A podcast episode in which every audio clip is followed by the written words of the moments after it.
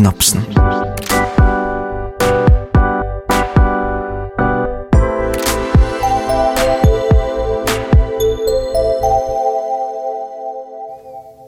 Hei sann, og velkommen til en ny episode av Synapsen. Kristianias egen psykologipodkast. Mitt navn er fortsatt Fredrik Svartdal Færvåg, høyskolelektor i psykologi her på Kristiania. Og med meg i studio i dag så har jeg ingen ringere enn Knut Gaustad tilbake på plass igjen. Hei, hei. Halla. Åssen går det? Jo, det går veldig fint. Så bra. Har det skjedd noe spennende siden sist? Ja, det er alltid noe som rører seg. Ja, men Så bra. Eh, I dag skal Nei, ok da. Ja, fortell. Jo, eh, det blir litt sånn egen brand marketing for eh, jussen, dette her, da. Men Ja. vi har jo en podkast som er veldig i startgropa. Oh, hva, skal den, hva skal den hete? Du, den skal få det eklektiske navnet Jussensen. Mm -hmm. Så det er på tide å få en egen jusspodkast der også, tenker jeg. Ja, jeg ser for meg introen med litt sånn hviskestemme, litt sånn NRK P2. Ja, jeg kunne ikke sett for meg det i det hele tatt. Det må jo være noe som er litt mer pang.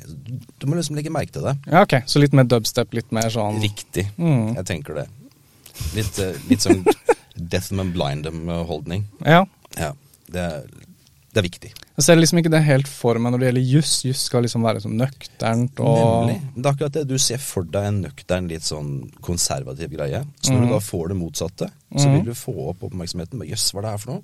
Mm. Litt skille seg rett ut. Ja. Litt sånn heavy metal-intro. Ja, nei, noe i alle fall. Ja. I den duren der. Så det er noe som kommer i løpet av året, vil jeg tro. Ja.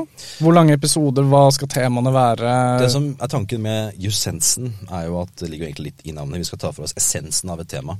Så det her blir i utgangspunktet korte episoder som tar for seg det mest essensielle om ulike temaer innenfor juridiske fagområder. Alt ifra arbeidsrett, eh, markedsrett, folkehelselovgivning osv.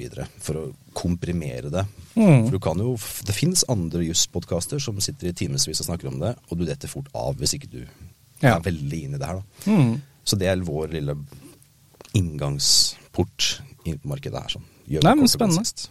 Mm. Det er kult. Og det ser for meg det er også litt det vi skal snakke om i dag, som også skal komme til. Mm. Uh, at det er jo viktig å på en måte for folk generelt å vite litt om hvilke rettigheter har man, hva kan man liksom name-droppe når sjefen din sier at du skal gjøre noe som du lukter at kanskje dette her ikke er helt innafor, Ja. i henhold til paragraf ditt og datt. Bare liksom gi noen sånne strofer. Mm. Dæven, det blir interessante lønnsdiskusjoner og sånn, eh, kan jeg se for meg framover. Det gjør det definitivt. Så det er alltid, alltid trygt å gjøre seg selv litt småskummel med å ha litt kompetanse innenfor juss. Ikke Mm. at du skal være en, eh, være en kødd på noen måte, men at du sitter inne med litt kompetanse så du klarer å forsvare dine egne rettigheter. Alltid et pluss. Nei, men Så bra. Det blir veldig spennende å følge med på. Jeg håper jo å kunne gjeste og prate et eller annet piss om psykologi der. kanskje? Der finner vi alltid en plass. Yeah, yeah. ja, men det blir bra.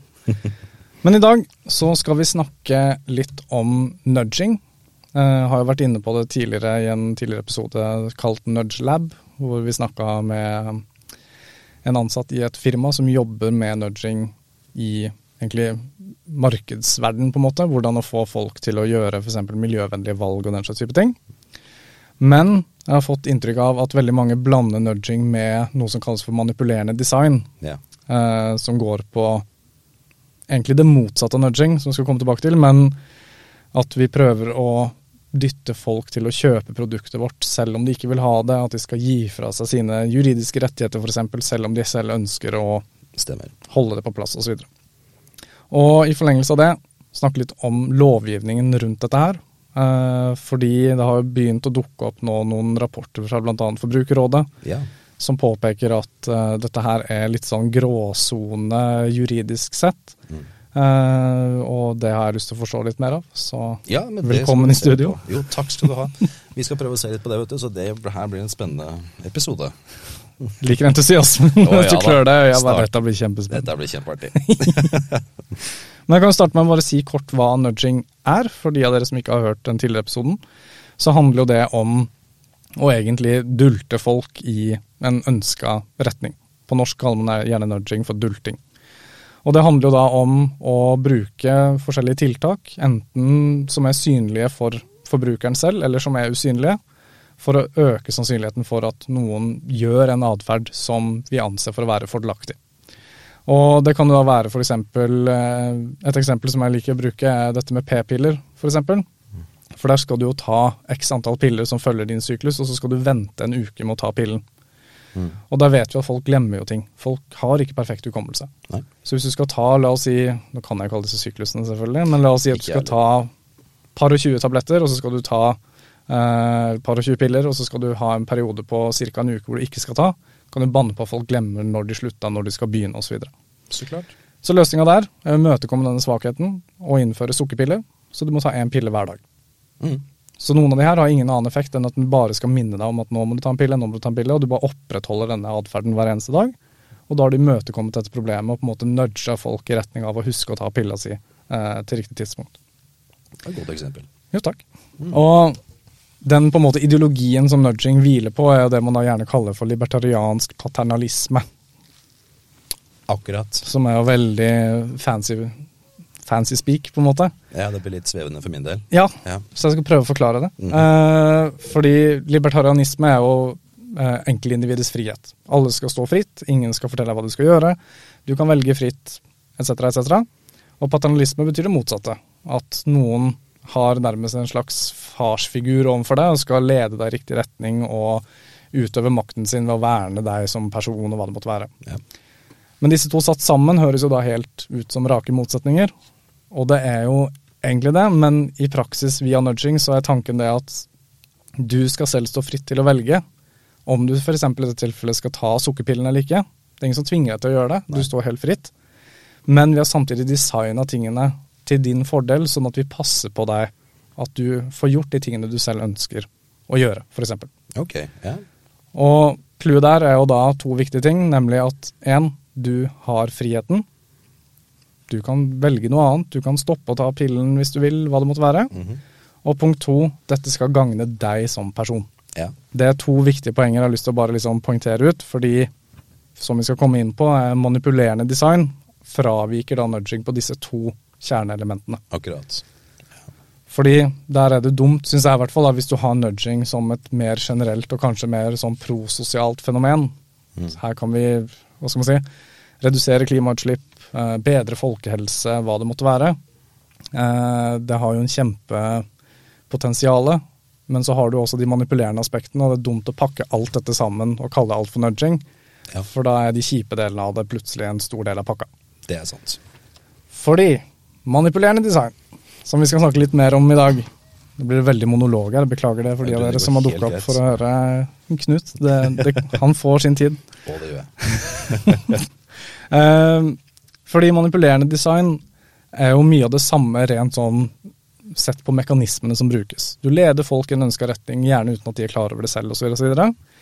Men eh, det som blir påpekt, iallfall av Forbrukerrådet, så virker det ofte å ikke spille på at dette her er jevnbyrdede alternativer. Du kan ikke fritt velge det ene over det andre. Her tvinges du av og til nesten til å velge det ene alternativet fordi noen andre gagner på dette. Ja. Så frihetsaspektet tilsidesettes, til en viss grad i hvert fall. Ja. Og, som jeg også nevnte nettopp, det er noen andre som tjener på det her. F.eks. at du kjøper en tilleggstjeneste til et produkt, eller du kjøper et produkt, eller hva det måtte være. Så er det da noen andre som sitter og casher inn, selv om du kanskje selv egentlig ikke trengte det produktet. Det er sant. Det er det en del av.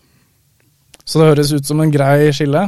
Det, ja, det er the good guys, and the bad guys. Så vi uh, høres veldig ryddig ut nå når du fikk den klareringa på det svevende. Så bra. Fordi det er litt sånn Virker som nudging på en måte omtaler dette her generelt. Ja. I og med at nudging er involvert i manipulerende design, så kaller vi det bare for nudging. Eh, Jeg syns det er dumt, fordi da kaster vi egentlig barnet ut med badevannet og sier at ok, alt er bare skit. Ja.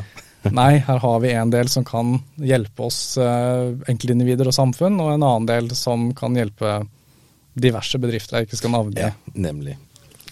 Den kapitalistiske markedsmakten. ja, Ja. satt på spissen. Ja. Men her kommer jo da et stort sånn juridisk spørsmål. Mm. Nemlig er denne manipulerende praksisen ulovlig? Og kan vi egentlig gjøre noe for å forby denne praksisen? Og hvem har i så fall ansvaret? ja, ikke sant. Det er jo et kjempestort spørsmål du kom med der, og flere spørsmål da for øvrig. Men, Ikke minst. Så vi kan minst. ta det ene etter det. men er det ulovlig? Altså, det, nå er det jo avhengig av hvilken setting det her gjøres i. ikke sant? Det er jo ikke, um, det er jo ikke ulovlig å være litt, eh, litt snikete og drittsekk på, innenfor lovens rammer. Mm. Men eh, vi har jo sett på en rapport i, i forbindelse med Forbrukerrådet her, som lister opp en del ulike sånne situasjoner Mm. som eh, man dytter inn manipulert design. Som da klart vil være eh, ulovlig på mange måter. Ok. Vi kan jo Eh. ta et konkret eksempel, f.eks. cookies-innstillinger på nettsider. Ja.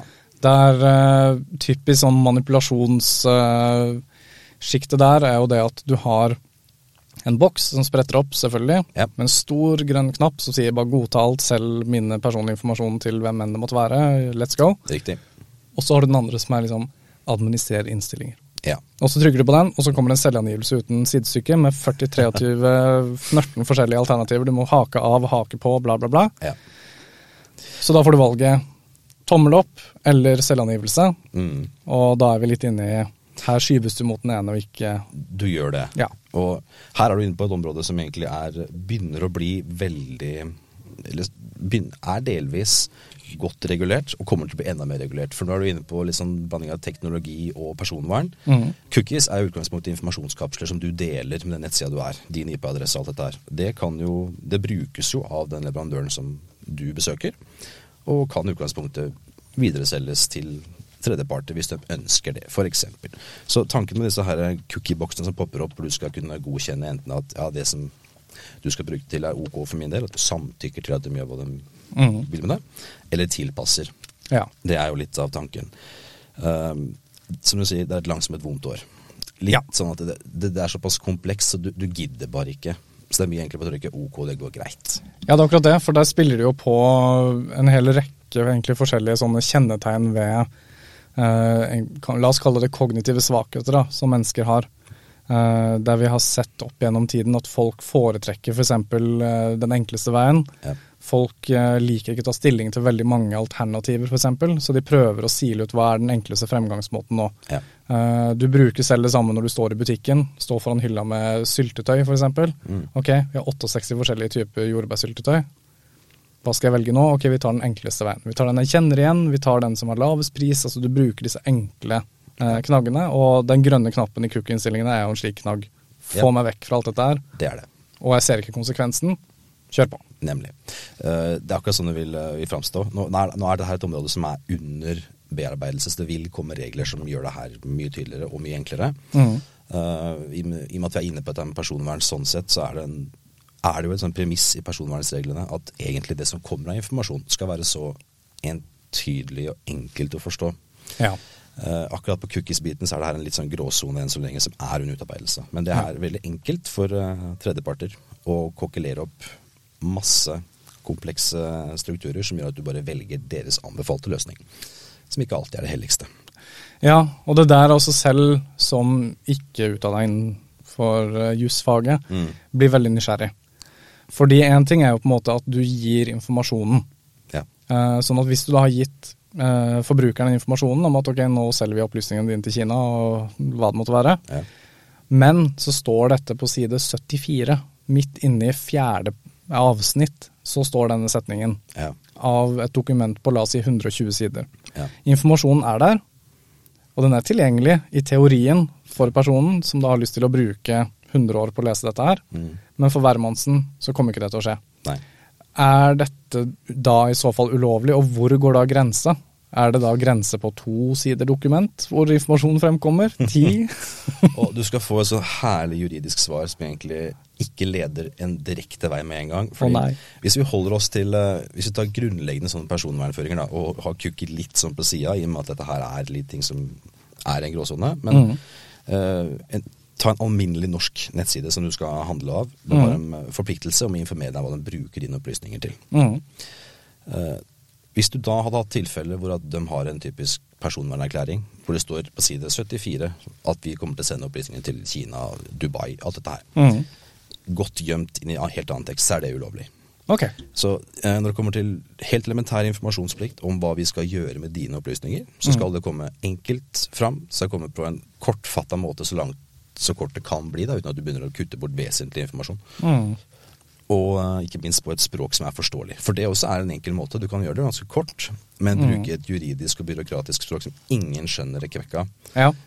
Så i utgangspunktet, ja, gjør du det forståelig og, og eh, tydelig, så eh, er du innafor.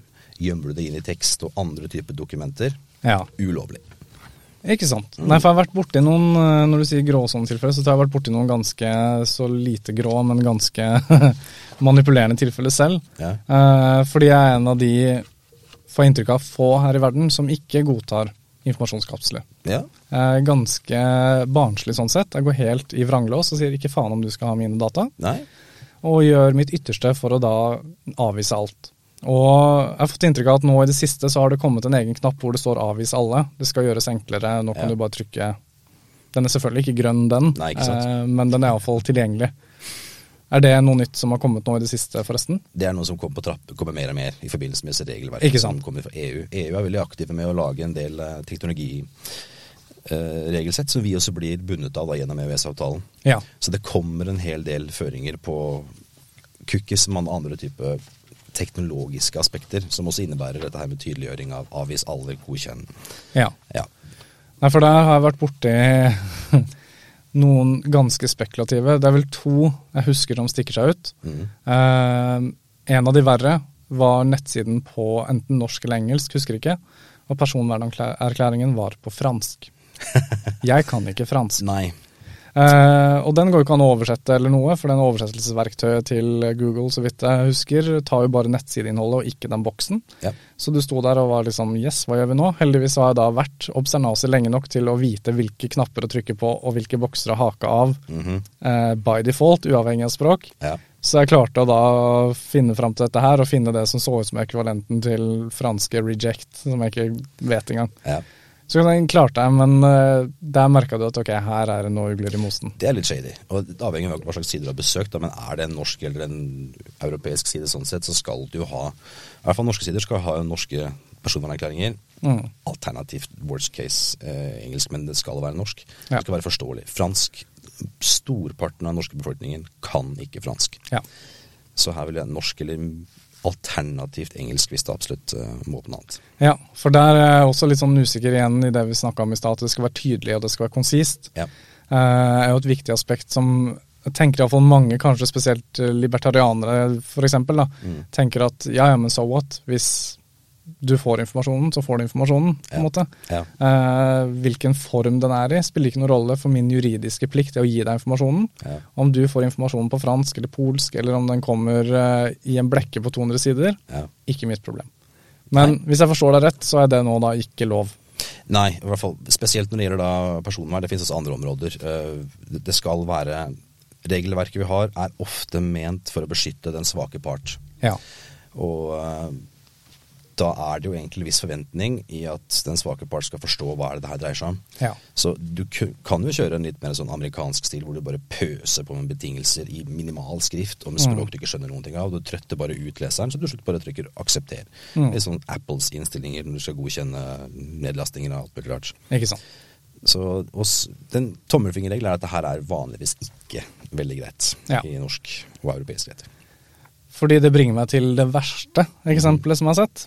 Eh, hvor selve denne cookie-boksen var skalert annerledes enn selve nettsiden. Oi.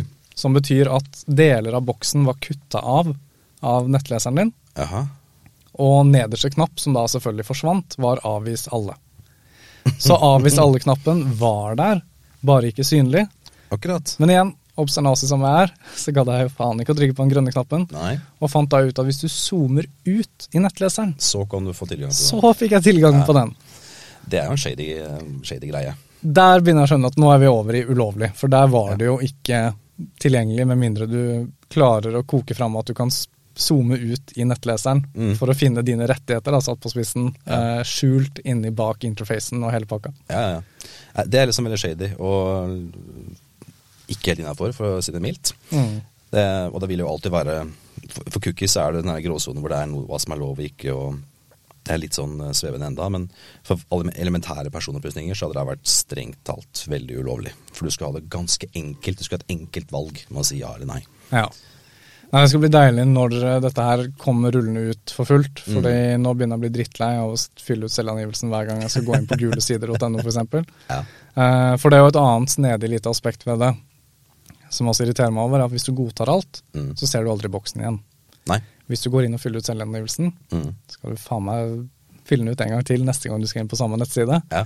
Hver eneste gang. Mm. Og det er igjen, som du sier, den der uttrøttings... eh, Eller hva kalte du det?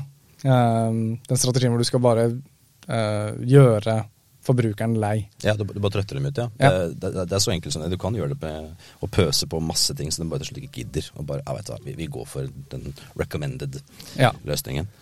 For det, slik jeg har forstått også, bare en liten avstikker, så er det også en strategi som brukes i rettssaker og sånn òg. Hvis du har et veldig hva skal man si, hvis du har et veldig bra advokatkontor på den ene siden, Mm. og et eh, mindre ressurssterkt advokatkontor på den andre siden, Ja.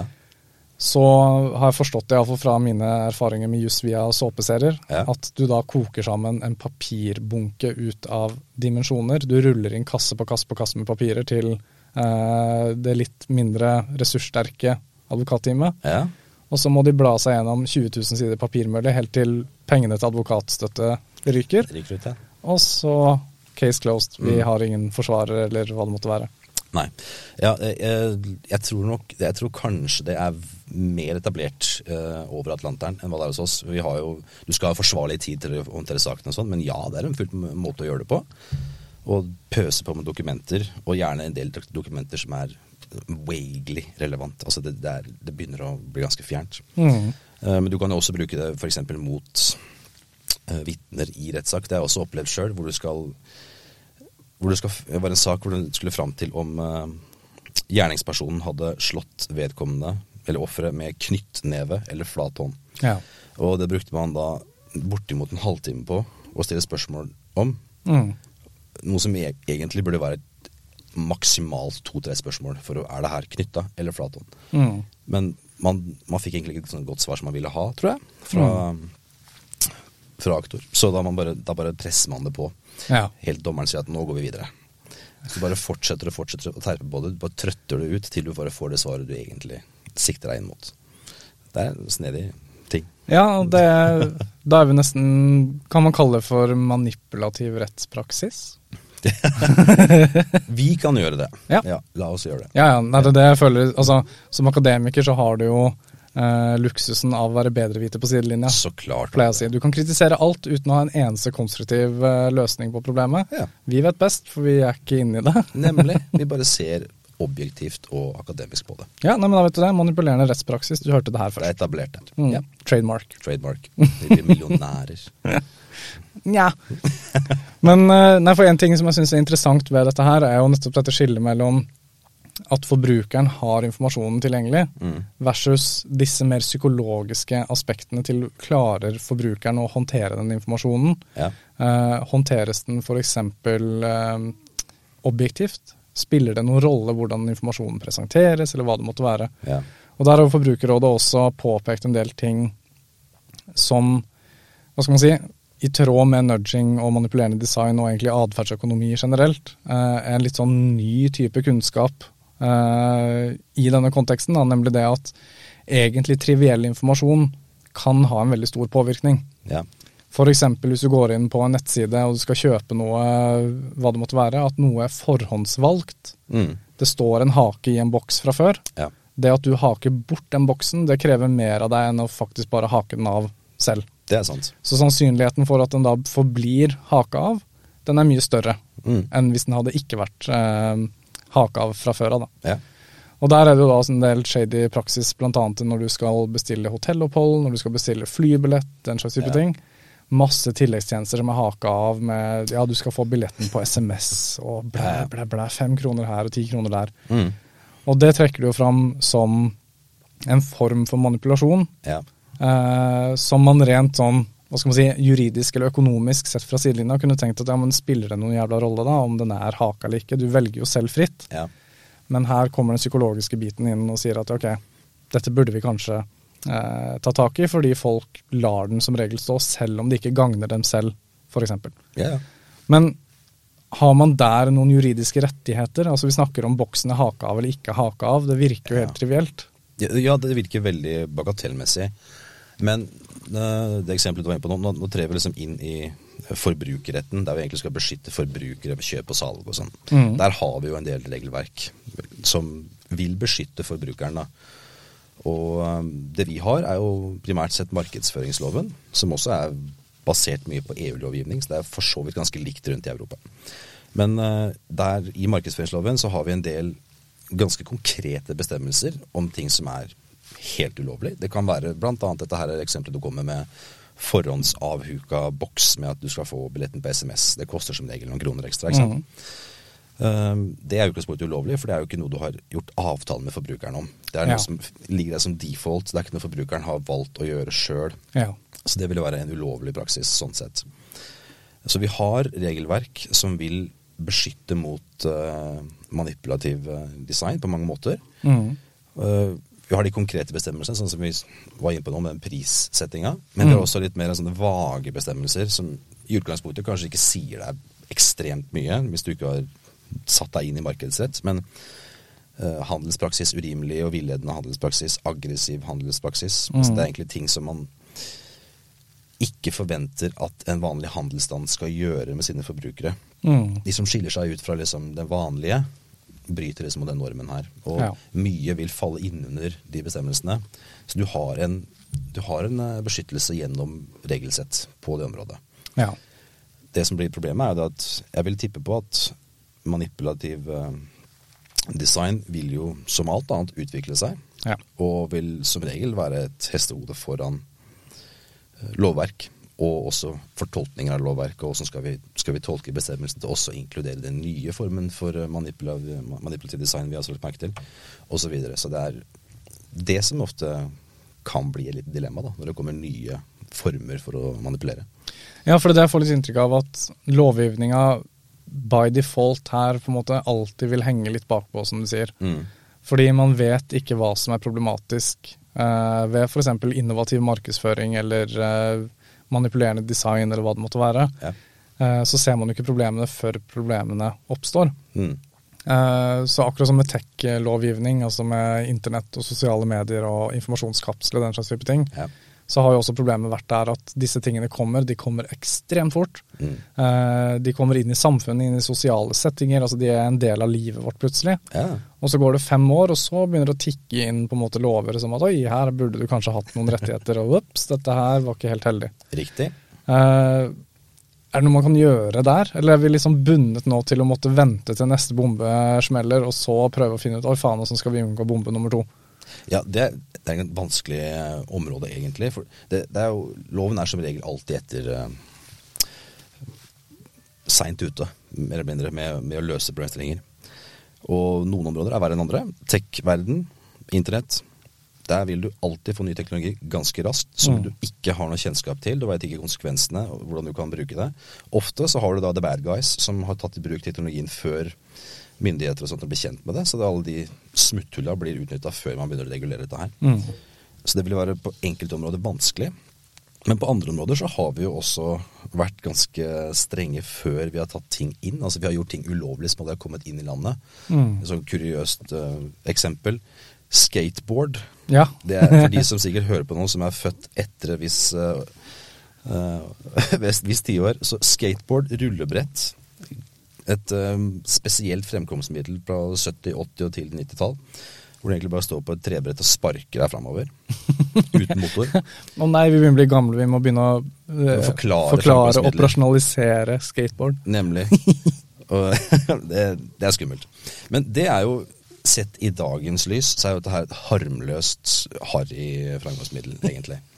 Men det var jo faktisk ulovlig i Norge i 12-13 år. Mm. Eh, på hele 80-tallet var det her forbudt. Mm. Og mer rasjonale at vi har sett at det, er, at det er skade andre land, og andre land har slitt med det, og det skaper støy blant ungdom i andre land. Så der har vi vært litt hva skal jeg si, i forkant, i hermetegn. Mm. Uh, på enkelte områder så klarer vi å være i forkant, men i det store og hele så vil jeg tro det at loven vil alltid være litt etter.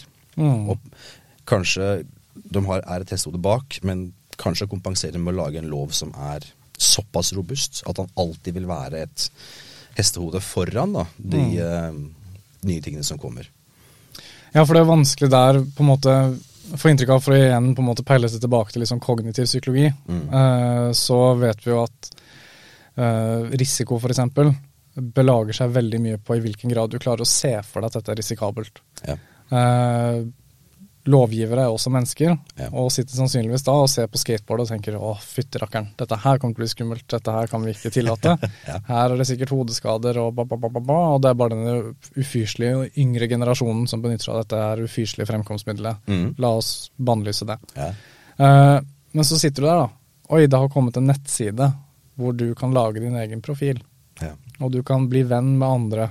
Mm. Ja, men så flott da, gitt. Kjør på. Ikke sant? Det er umulig å se for seg at det skulle ha negative konsekvenser. Mm. Og så kommer Cambridge Analytica-skandalen, og så kommer det manipulasjon av valgkamper og you name it, som følge av at folk har delt så mye personlig informasjon på Facebook at Ja, ja, ja. nå kan byråer sitte og predikere dine preferanser og din atferd bedre enn det du selv klarer Mm. å predikere om deg selv. Altså Vi er på et sånn nivå at det er helt skummelt. ja. Så da bunner det ut i at den risikoen den er jo veldig veldig vanskelig å forutse. Eh, I hvert fall når det gjelder ny teknologi. ja. Eh, og det er kanskje derfor akkurat dette domenet da, eh, havner litt bakpå med tanke på lovgivningen, eller aldri kan havne helt frampå, i hvert fall ennå, Mm. så vidt jeg forstår. Det kan, ja, det er, jeg er enig i det. Og det vil liksom alltid være ha en liten fot bak, bak, bak utviklinga. Men hvis du ser på Du nevnte eksempelet med Facebook og nettet og deling av opplysninger og sånt. Også. Mm. Der så vi også at utviklinga på det teknologiske og det globaliserte samfunnet Facebook, Google, Amazon, alle disse store aktørene som eier masse opplysninger for folk, kan jo bruke det her som, som de vil videre. Han Mm. var liksom trenden før. Så løsningen på det, eller svaret på det, var jo da at EU kom med en verdens strengeste personvernlover i 2018. Mm. GDPR, som mange vil kjenne igjen, som var, sånn skremselterminologi her en periode. Og det var jo en lov som blei så streng at man regulerer jo nå ganske godt fram i tid med, Ja. med de store gigantene, sånn som Facebook, Google, alle disse her internasjonale aktørene. Så man, eh, man kan kom, slå tilbake med strenge og harde regelverk som vil fungere fint fram i tid. Mm. Der uh, må jeg jo da skyte inn med også litt sånn deprimerende poeng, eh, eller nihilistisk poeng kanskje heller. Ja. At når det gjelder en del av disse informasjonskapsellovgivningene og sånn, så er jo katta allerede ute av sekken. Uh, F.eks. dette med Cambridge Analytica gikk jo på at du eh, hadde samla inn eh, ved tilfeldighet Folk hadde tatt en personlighetstest Ja. på Facebook. Du hadde plutselig et datasett på jeg tror det var tre millioner personer. Ja. Eh, og deres personlighetsprofil, og alle de tinga de likte på Facebook av trivielle band, bøker, fritidsinteresser, you name it. Mm. Og ut ifra det så kan du da lage en modell hvor du predikerer at ut ifra dine Facebook-likes, så kan vi predikere hva du er eller hva slags personlighet du har. Ja. Eh, og det kan vi da bruke for å f.eks. framstille budskap, uh, interesser, lover, uh, politiske kandidater, Stemmer. hva det enn måtte være, Mm. som passer din personlighetsprofil. Mm. Og det verktøyet eksisterer jo fortsatt. Det kan man jo ikke bannlyse, på en måte, fordi den informasjonen som det baserer seg på, er jo nå pre-GDPR. Ja. Den algoritmen bruker ikke de dataene engang lenger. Den opererer nå selvstendig uten å bruke disse hva skal man si, dataene som nå er ulovlig å bruke, f.eks. Ja.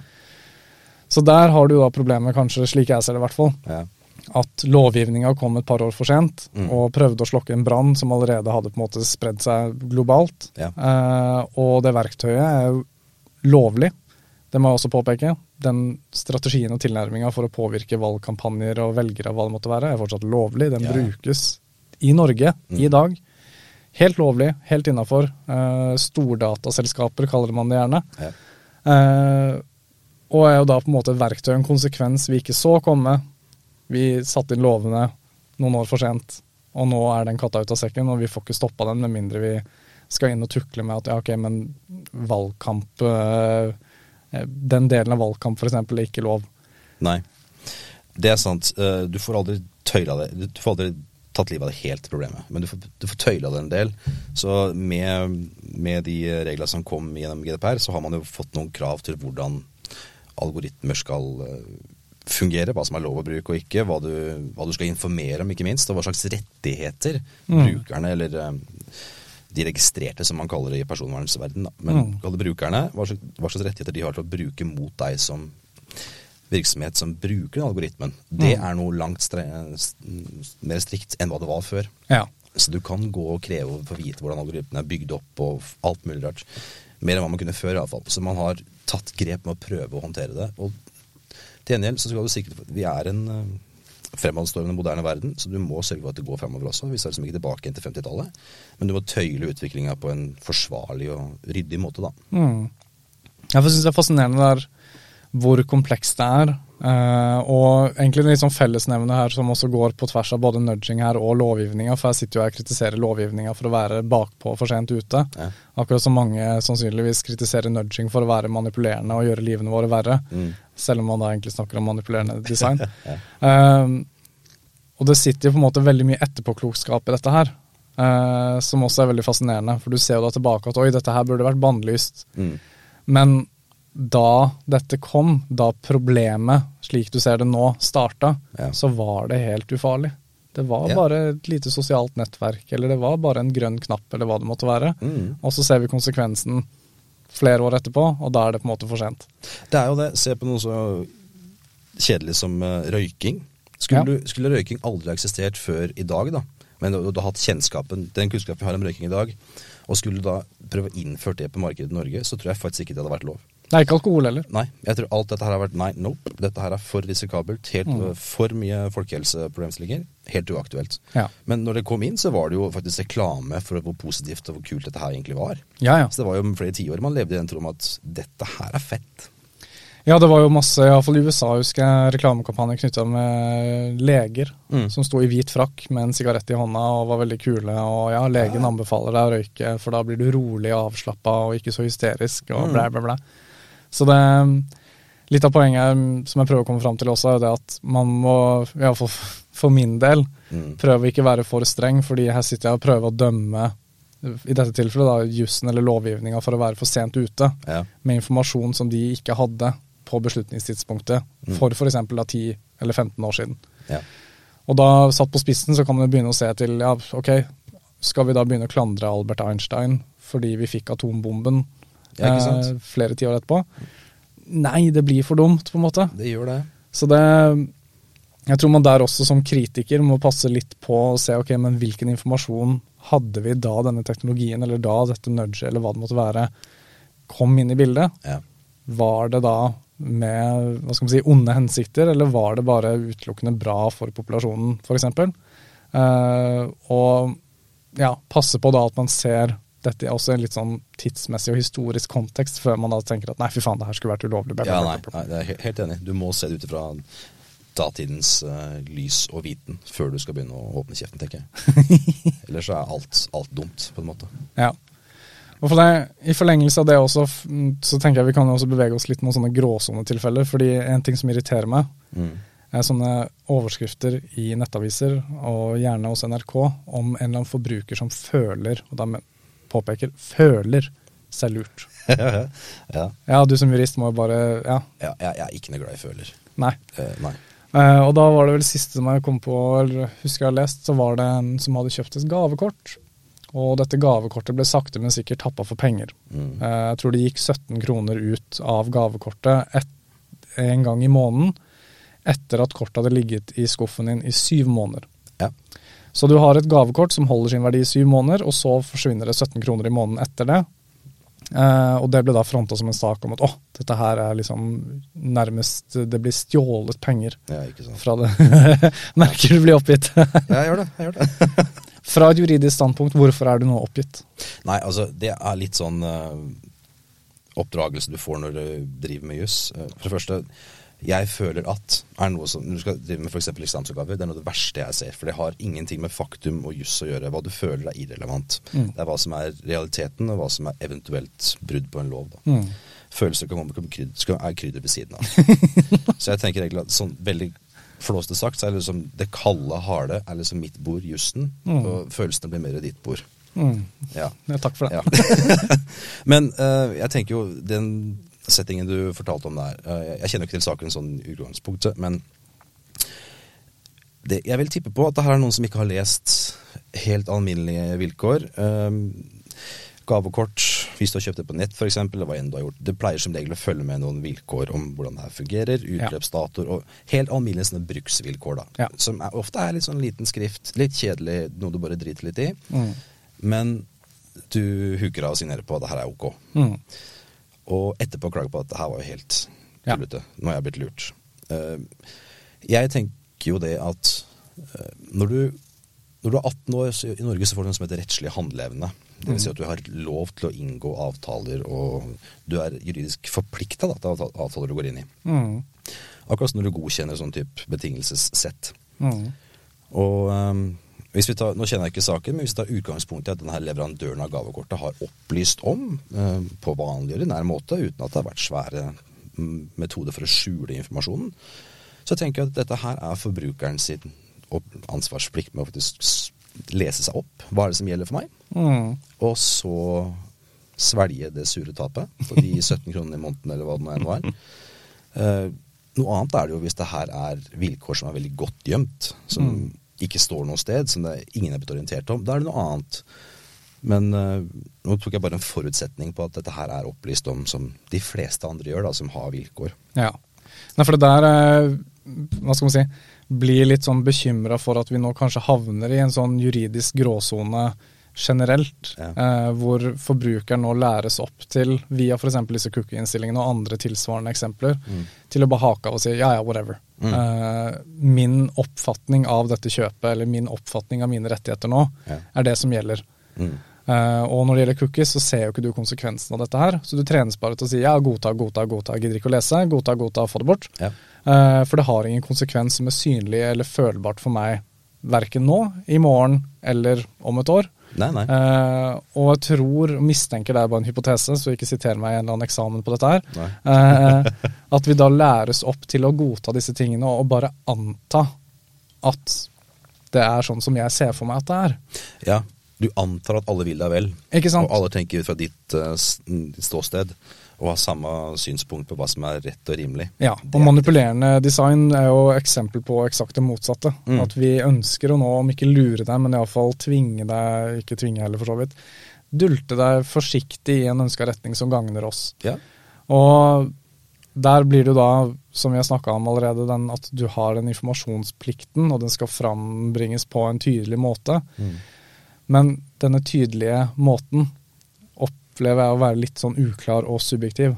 Hva som er tydelig for en jurist, f.eks., er ja, det kan være 100 sider tekst. Du setter deg sikkert ned og blar gjennom og fram med gulpenna og holder på. ja, Mens for uh, Ola Nordmann, annet. som ikke har høyere utdanning f.eks., Mm. Uh, og som er vant med fra la oss si flere tiår tilbake at ja, alle ville meg vel, og vi hadde en grei avtale, var ikke noe problem, Ja, så kan dette fort bli litt utfordrende. det gjør det. Så rent juridisk, hvor setter man da denne grensa, er det jeg lurer på. Og det, det er også, tenker jeg vil avhenge litt av hvilket uh, rettsområde du er på. For Vi var inne i, vi snakka om personvern her i stad, og det er informasjonsplikten som du henviser til. Der er det jo veldig veldig konkret. Det skal være så folkelig og enkelt å forstå at enhver skal kunne gå inn og lese og skjønne hva det her er for noe. Ja. Så har du andre områder hvor det ikke er like strengt, da. Men man må jo legge til grunn at uh, du skal kunne lese deg opp og forstå hva det her faktisk omhandler for deg. Vi eksempel, som høyskole, når vi, skal, vi har en studiekontrakt med studentene våre som har en sett med masse vilkår bak. ja. Og der er vi helt avhengig av at det som står der, må være forståelig for studentene Mm. og oss. Så ikke vi kan bare lage tre sider med masse justekst som bare et fåtall skjønner noe av. ja. Så tommelfingerregelen er jo det at adressaten der som skal kunne sette seg inn i det. Du, det vil alltid være noen som ikke helt skjønner konseptet her. Men den gjengse nordmann må jo kunne forstå Er tanken skal forstå innholdet, da. Mm. Så du får ikke noe sånn klart standardsvar som gjelder juss for øvrig. Det er liksom innenfor ulike rettsområdene, vil jeg si. Ja. Noen er strengere enn andre, men hvis man prøver å nå motparten, forbrukeren eller tredjeparten her sånn, med et forståelig språk, med den riktige informasjonen, så er du godt på vei, altså. Ja. Nei, for det som iallfall jeg la meg provosere av den slags type saker, da, Mm. i nettavisene spesielt, er jo det at det framstilles som lureri. Ja, ja. Utelukkende lureri. Det er aldri noen som selv, eh, som forbruker, har ansvaret. Nei. Eh, men i mange tilfeller så leser du det som står, og så er det bare sånn Men herregud da, venn.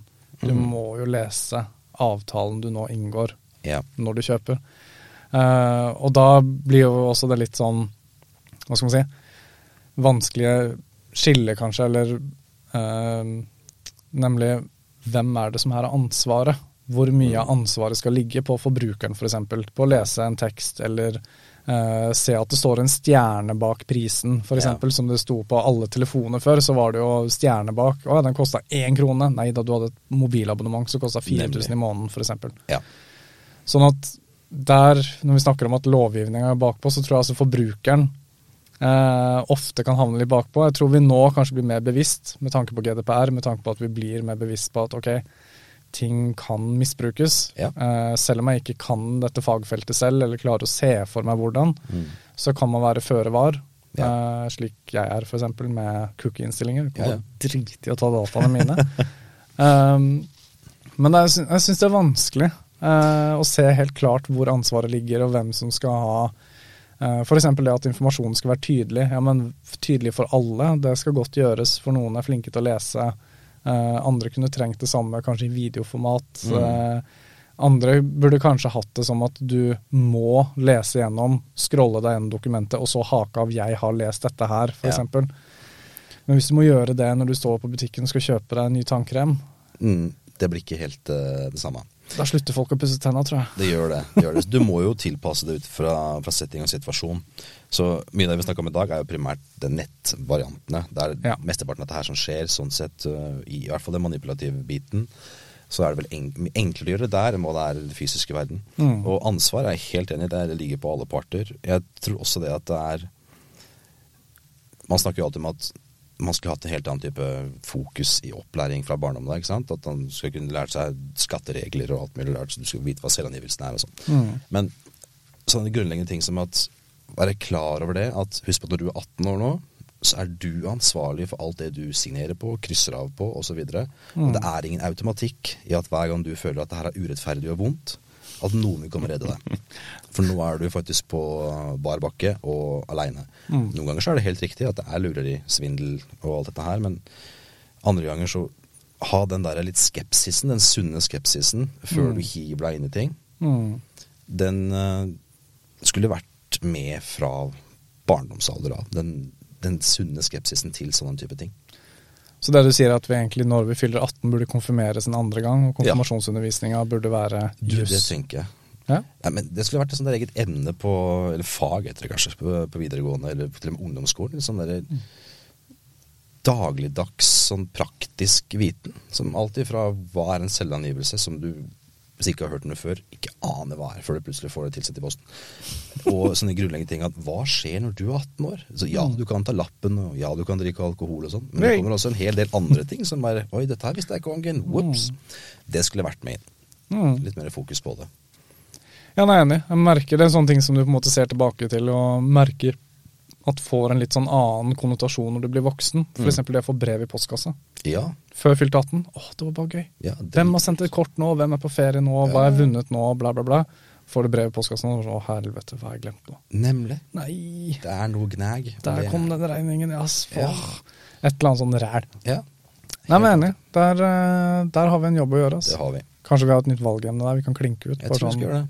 Hverdagsjus for dummies. Ja, hverdagsjus og viten. Du hørte det her først. Ja, vi blir millionærer.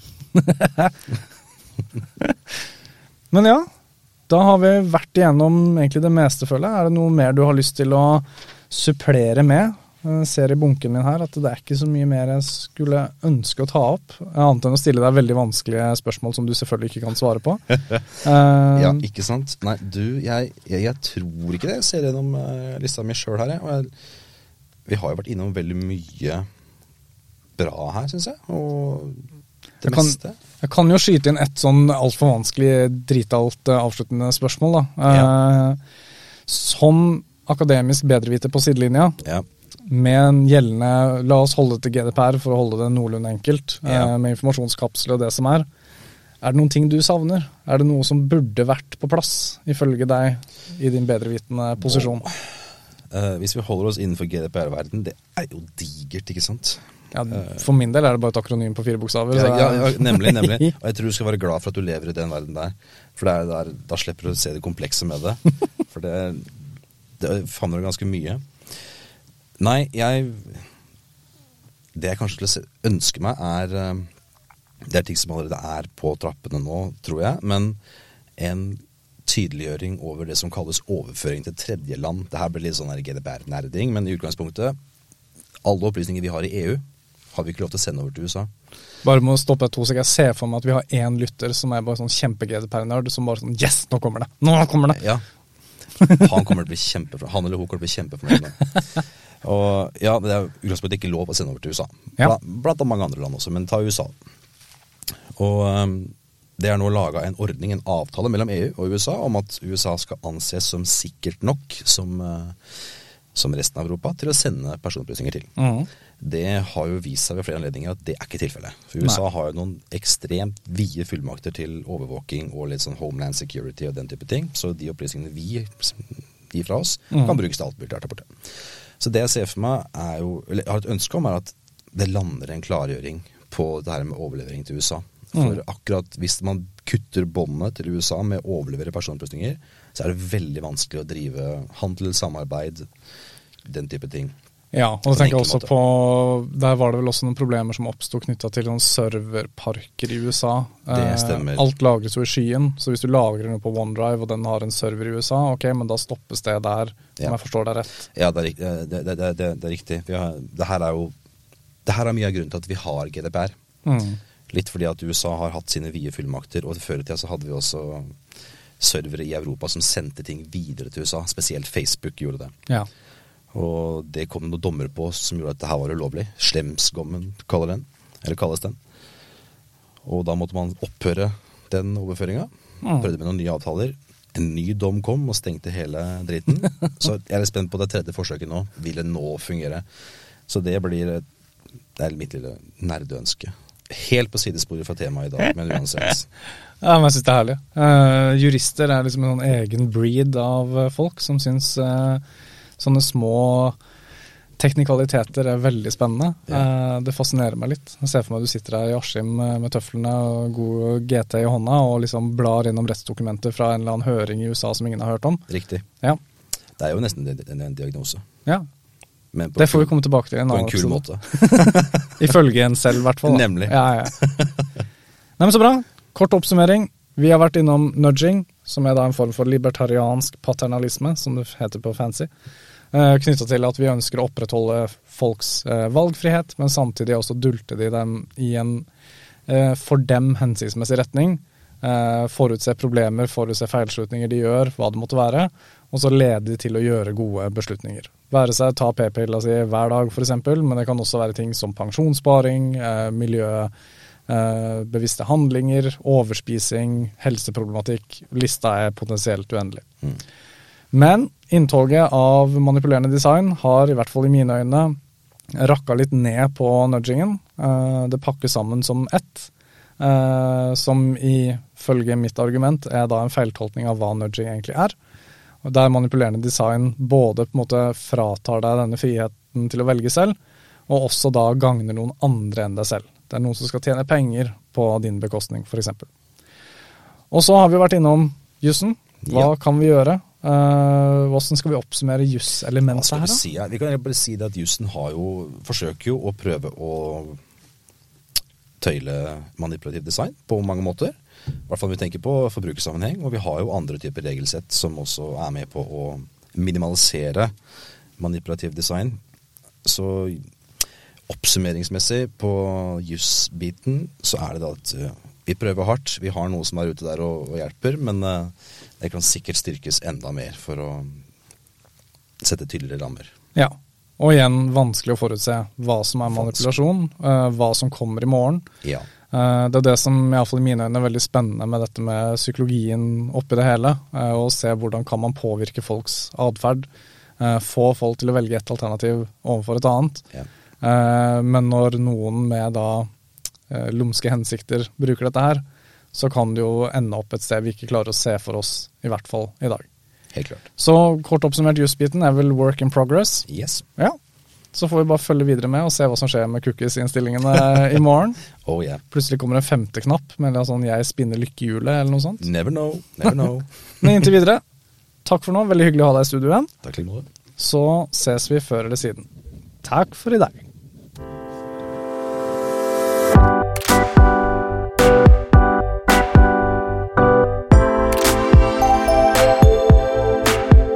synapsen.